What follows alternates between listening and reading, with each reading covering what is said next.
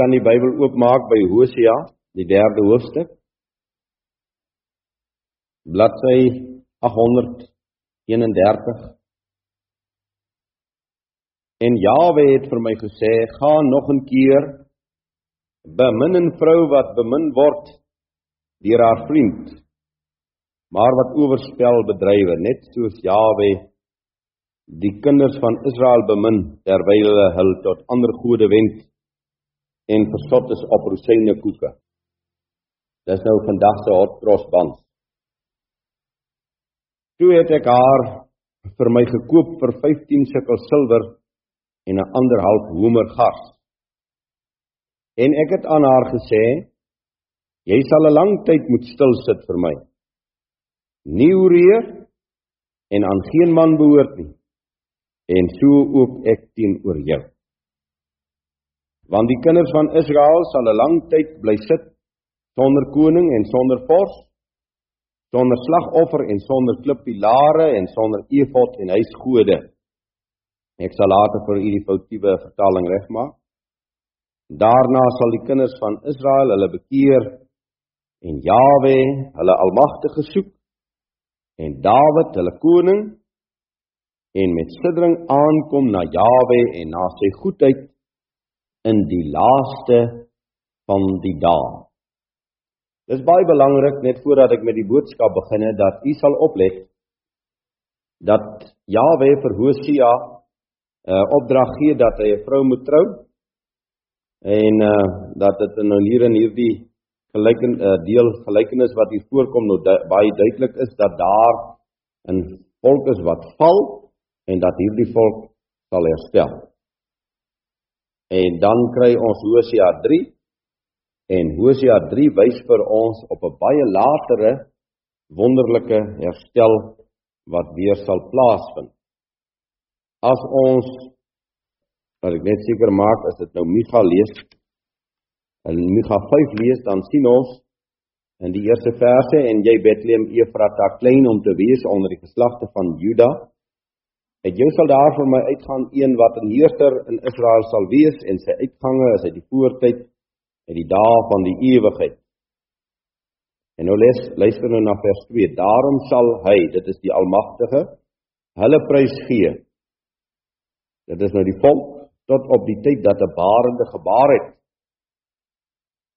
Dit wil sê hy sal hulle prys gee in ballingskap soos Hosea 1 vir ons leer totdat Yeshua gebore sal word. Dan sal die oorblysel van sy broers, van Yeshua se broers, dis Juda, saam met die kinders van Israel die 10 stamme ryk terugkeer. Nou as ons die verdere uh, gedeelte van die hoofstuk lees, dan sien ons Maar met die koms van Yeshua, sy kruisiging, sy hemelvaart het die het die verdere nie gevolg nie van die hoofstuk hier in Micha 5 nie. Want dis groot heerlikheid wat hier beskryf staan. Spoedig was die volk vlugtelinge in die wêreld. Spoedig was die volk vertrap en het die vyande weer begine heers. So daar is nog 'n herstel wat wonderbaarlik moet plaasvind. Ons gaan voort met Lukas hoofstuk 10. Ek lees daai gedeelte omdat as dit vanaand sal inpas nog by die gelykenis. Praat nou van Hosea hoofstuk 3 wat ons wil inpas in die gelykenis.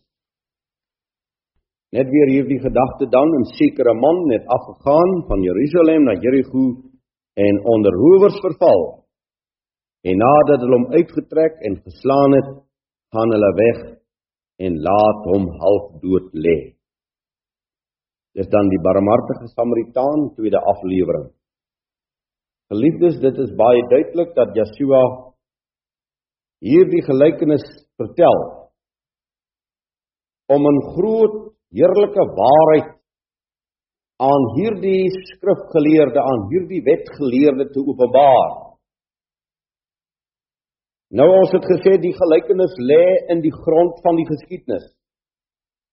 Daarom lees ons van Jerusalem en Jerigo van 'n Samaritaan van rowers, van 'n barmhartige Samaritaan, van 'n priester, van 'n leviet, van 'n herbergier.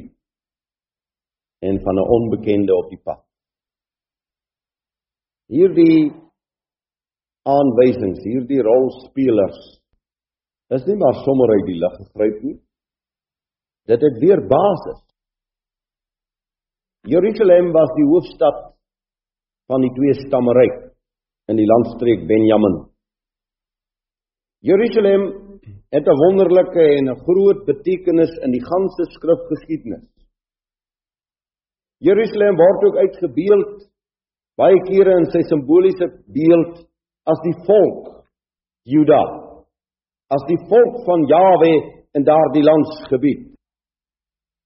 Jerusalem kry in die profeseë vir ons tyd die wonderlike beeld van die volk van Jawe versprei oor die aarde, maar wat nog altyd syne is, uitverkore. Samaria is die hoofstad gewees van die 10 stammeryk.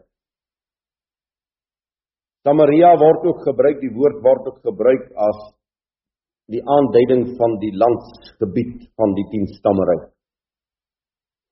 Samaria hierdie glo ek kompeterende stad wat dit was met Jerusalem. Behalwe dat daar in Samaria dis nie 'n tempel gestaan het soos Jawe beveel het. Was Samaria beslis net so 'n pragtige stad vir daardie tyd, opgebou in kompetisie met Jerusalem. Jy weet tog dat in die skeiding van die 2 en die 10 stamme ryk het Rehabiam die twee stamme ryk regeer en Jerobeam die 10 stamme ryk en het Jerobeam juis in kompetisie om die volk in Samaria te behou om te, het hy begine offer in Samaria tot sy onder onheil en tot sy ondergang. En Jericho die palmstad die eerste stad wat Israel aangeval het toe hulle hierdie beloofde land in besit moes neem. Jericho wat herbou is deur die tyd. Die stad waar Yeshua die blinde se oë open sodat hy kan sien, hy wat uitroep, seun van Dawid, wees my barmhartig. Daar in die stad sou die herberg wees. Die gelykenis begin met hierdie pragtige 'n sekere man 'n sekere man was op pad van Jerusalem na Jerigo en die rowers het hom oorval. Nou ja dit is heel normaal geliefdes. Op reis van een stad na 'n ander stad. Soos die kraai vlieg was die afstand tussen Jerusalem en Jerigo maar plus minus so 20 km So dit is nie baie ver wat hy gereis het nie en op daardie kort afstand is hy deur rowers oorval. In die kort tyd vir God Jahwe van u en my lewe in hierdie wêreld. In die kort tyd hoe word ons deur die rowers oorval.